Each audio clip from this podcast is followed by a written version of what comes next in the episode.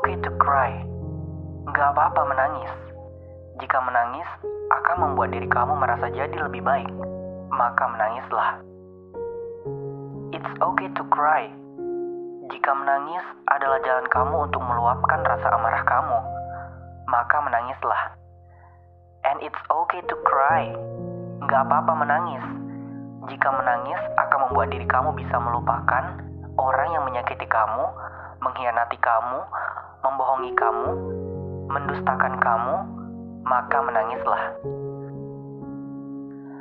Kamu yang memilih diri untuk menangis bukan berarti kamu adalah orang yang lemah dan tidak bisa berbuat apa-apa. Meskipun orang yang menangis sering disalahartikan bagi sebagian orang, mereka menganggap bahwa menangis itu hanya bagi orang-orang. Mereka menganggap menangis itu bagi mereka yang tidak bisa berbuat apa-apa pada dirinya sendiri, yang tidak bisa menghadapi keadaan atau menerima kenyataan yang sebenarnya. Namun sebenarnya, mereka belum tahu bahwa ada sebagian orang yang meluapkan rasa amarahnya dengan cara menangis.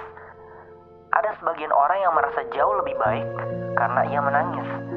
Ada orang yang memaafkan dengan cara menangis, ada juga yang mengikhlaskan dengan cara menangis.